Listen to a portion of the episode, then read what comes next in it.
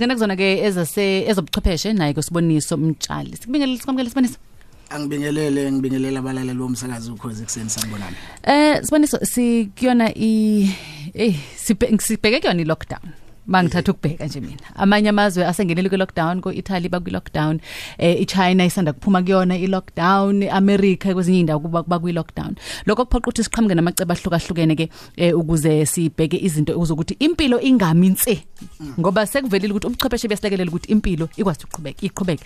La kwezemfundo eh sekuvele indlela ezahlukahlukene noma YouTube channel eh, homa app njalo njalo. Yes ke kunjalo eh eh, nongcebo asiphinde sigcizeleleke ekutheni eh esimeni sifana nalezi lokho kuphoqeleke ekutheni nabantwana besikole bethola ama holiday amade okuphazamisayo indlela thile eh, ukuqhubeka kwemfundo.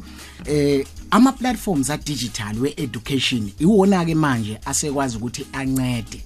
Ekutheni umsebenzi wesikole bekwazi ukuthi wonke umuntu nabantwana beyiqhube online ngokuthi besebenzise lama apps akhona ahlukahlukene. Lokho noma ke kuyikole zabantu abamnyama kusese disadvantage ngoba abanawo lawo ma resources. Masikhuluma nje ngama app afana nabo school dojo la uthola ukuthi uthisha ukwazi ukuloada yonke information umfundi ekhaya kumele umzali ayibone ayenze. Kulama apps uthola ukuthi information ilodwa emafonini abazali ukuze bona bezokwazi ukuthi imuphi umsebenzi wabantwana okumele wenziwe namhlanje uphinde ukwazi ukuthi usubmit you understand? Noma kuthiwa abantwana banayo i- ama ama amafoni wabo kodwa fanele kuqikelele ukuthi umzali uyazi.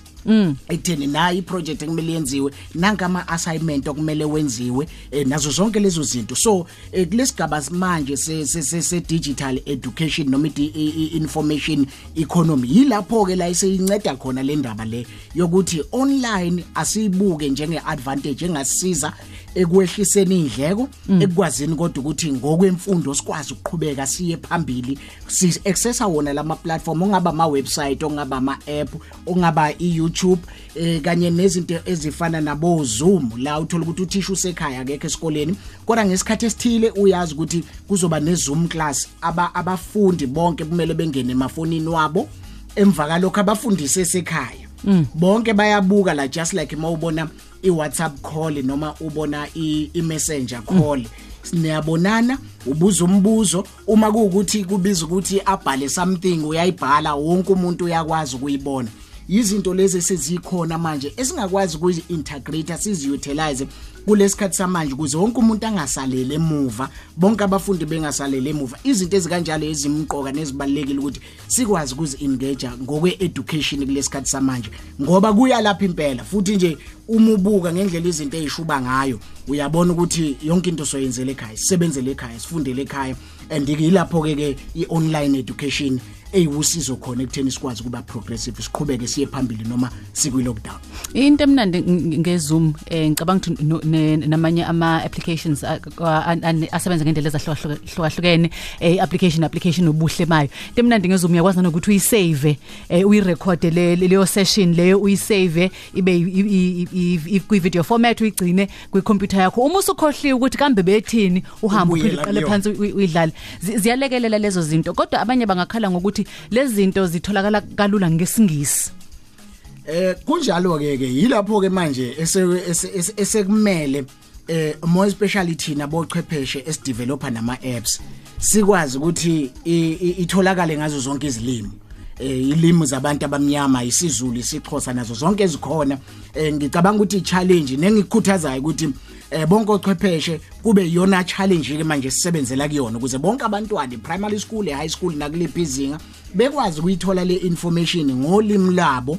Eh ihleleke futhi nangolimi lwabo oluzokwazi ukuyichaza kangcono into izwakale okudlula mhlambe eh lelulimo lu technical olubuye abantu bengalicoshi kahle more especially uma luhlanganiseka nezinto ezithinta ubuchwepheshe. Uthola ukuthi eh akusafani nangendlela uthisha bengayibeka ngayo eseklasini. So i challenge leyo engicabanga ukuthi wonke umuntu owazi ukuthi uyideveloper kumele sisebenzele kuyona ngoba lokho kuchaza ukuthi kuyithuba kuyi opportunity ongathi noma usudevelopile uyoyipresent idea kuma department of education sebengayibuka kangcono ngoba ikwazi ukuhlanganisa zonke izilimi okuyiyona into esiyigcizelelayo nesikhuthaza kakhulu. Ngicabanga ukuthi enye into enhle la ukuthi lokhu siya sibona abantu uthola ukuthi umuntu ukutwitter noma uku Facebook noma ku Instagram abuze into ebitholakala kule internet le ayisebenzisayo ukuze abhale la ku Twitter lo akubuza kuwona. Sinoncebo Ah, cha inkosi!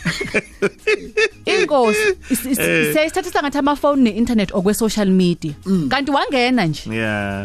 Into uyakwazi ukuthi u- uyithole. Lokho kuzo kuzodala sikubone lokho ukuthi cha cha cha akukho la kucashe khona ukuthi nje wena ungene le kule kule app yokuthi ubuze u- usibonise ukuthi lento ngiyithola kuphi. I- i- i- ibalekile le nto loyo kunjalo kumqoka i-information yonke manje ila kwi-internet you understand? Lesibuza ku ku- ku- ku- esikhundleni ngabe siyayibuza ku-google isithole i-answer uthola ukuthi ugcina umile ulinde impendulo ungeke uyithole eh kubantu and so ubuza emntwini futhi naye uzophinda ayigugulishe You bese understand bese kunika impendulo. Ingakho kungamele uvele ubachaje ukubanika impendulo.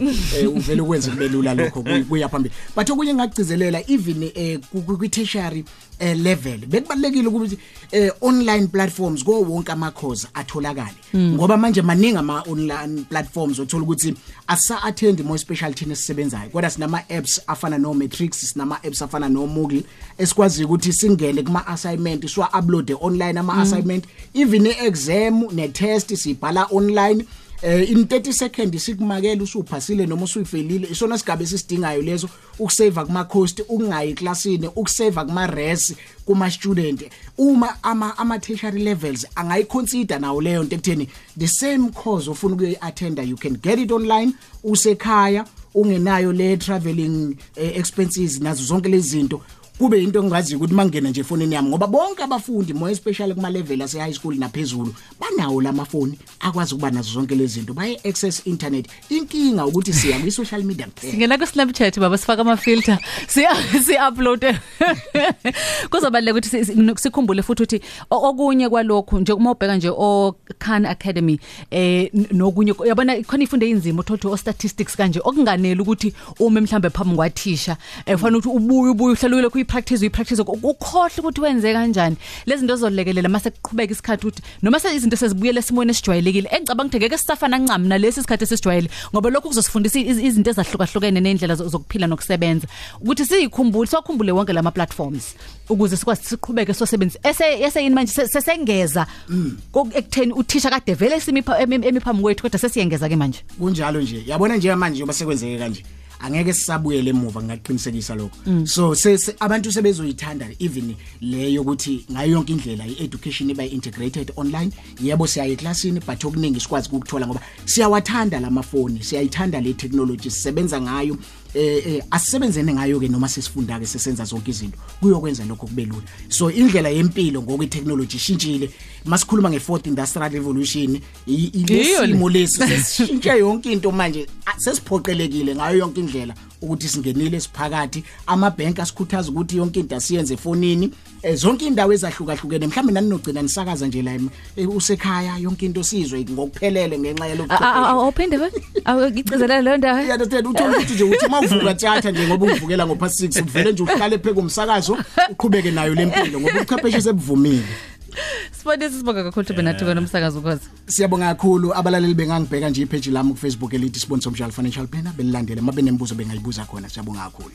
Danke magalela. Danki siyabonga.